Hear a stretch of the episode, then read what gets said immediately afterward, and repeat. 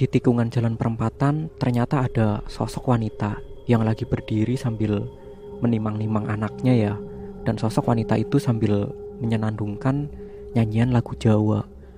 Waktu ibu melintas di depannya, sosok wanita itu tuh mengangkat wajahnya dan ternyata hidung wanita itu tuh nggak ada. Yu prokonco Podo rungokno Aku duwe carita. Mrono mrene ono mati Ini merupakan salah satu kejadian horor yang dialami sama ibu. Kejadiannya udah cukup lama, tapi aku masih inget banget cerita ibu.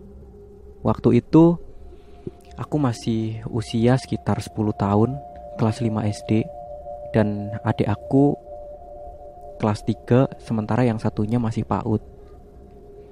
Profesi bapak waktu itu masih narik becak di mana bapak tuh biasa narik malam hari alasannya ya karena supaya adem dan supaya lebih dapat penumpang banyak gitu ya. Karena kalau malam itu kan emang nggak ada ojek dan nggak ada angkot gitu adanya cuma becak gitu.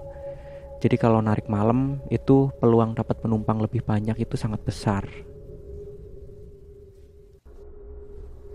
Malam itu malam Jumat Kliwon Papa berangkat narik sekitar pukul 8 malam dan sekitar jam 10 malam itu hujan turun lumayan deras. Saat itu aku dan adik-adikku semuanya udah tertidur ya. Sementara yang masih terjaga tinggal ibu. Dan waktu itu ibu teringat kalau di dapur itu persediaan minyak tanah udah gak ada gitu ya, udah habis sama sekali dan biasa kalau di desa itu kalau hujan udah pasti mati lampu. Mengingat di desa masih banyak pohon-pohon yang besar gitu kan. Jadi takut terjadi konsleting gitu sehingga kalau hujan itu udah pasti mati lampu. Dan mengingat hari yang udah cukup larut, jadi penjual minyak tanah itu di toko terdekat semuanya udah tutup ya. Jadi kalau misalnya mau beli minyak tanah ya harus ke toko yang ada di dekat kelurahan sana gitu ya yang jaraknya tuh lumayan jauh dari desaku mungkin hampir satu kilo. Nah waktu itu zamannya aku kecil jarang banget orang yang pakai lilin ya. Apalagi pakai lampu darurat yang bisa dicas itu itu belum ada yang punya gitu. Kebanyakan tuh masih pakai lampu minyak gitu kalau mati lampu masih pakai lampu tempel atau lampu minyak bikinan sendiri gitu ya. Kalau bahasa di daerahku itu lampu ceplik gitu mengingat persediaan minyak tanah di dapur yang udah bener-bener habis. Dan kalau mati lampu bakalan gelap-gelapan. Ibu khawatir ya kalau mati lampu tuh pasti adik-adikku tuh pada terbangun dan adik aku yang paling kecil itu paling gak tahan sama kegelapan gitu. Jadi kalau mati lampu walaupun lagi tidur pules itu udah pasti kebangun. Akhirnya ya mau nggak mau ibu harus nekat keluar nerobos hujan buat cari minyak tanah gitu kan. Dan jalan di desaku waktu itu masih lumayan gelap ya. Karena lampu-lampu jalanan gitu cuma di depan rumah warga dan pakai pohlam yang kuning itu. Pohlam 5 watt yang kuning. Jadi remang-remang banget suasananya apalagi hujan gitu kan. Dan kalau mau beli minyak tanah itu melewati satu tempat ya satu spot. Itu perempatan yang terkenal banget angker di situ. Karena di situ tuh banyak banget pengendara yang terjatuh gitu ya yang naik motor di situ terus jatuh. Dan katanya kalau misalnya ada yang kecelakaan itu ada campur tangannya makhluk halus yang menghuni perempatan itu gitu. Sebenarnya ibu agak takut sih tapi ya demi biar anaknya kalau mati lampu nggak gelap-gelapan gitu kan Akhirnya ibu tuh menepis rasa takutnya dan tetap cari minyak tanah malam itu. Saat ibu sampai di perempatan,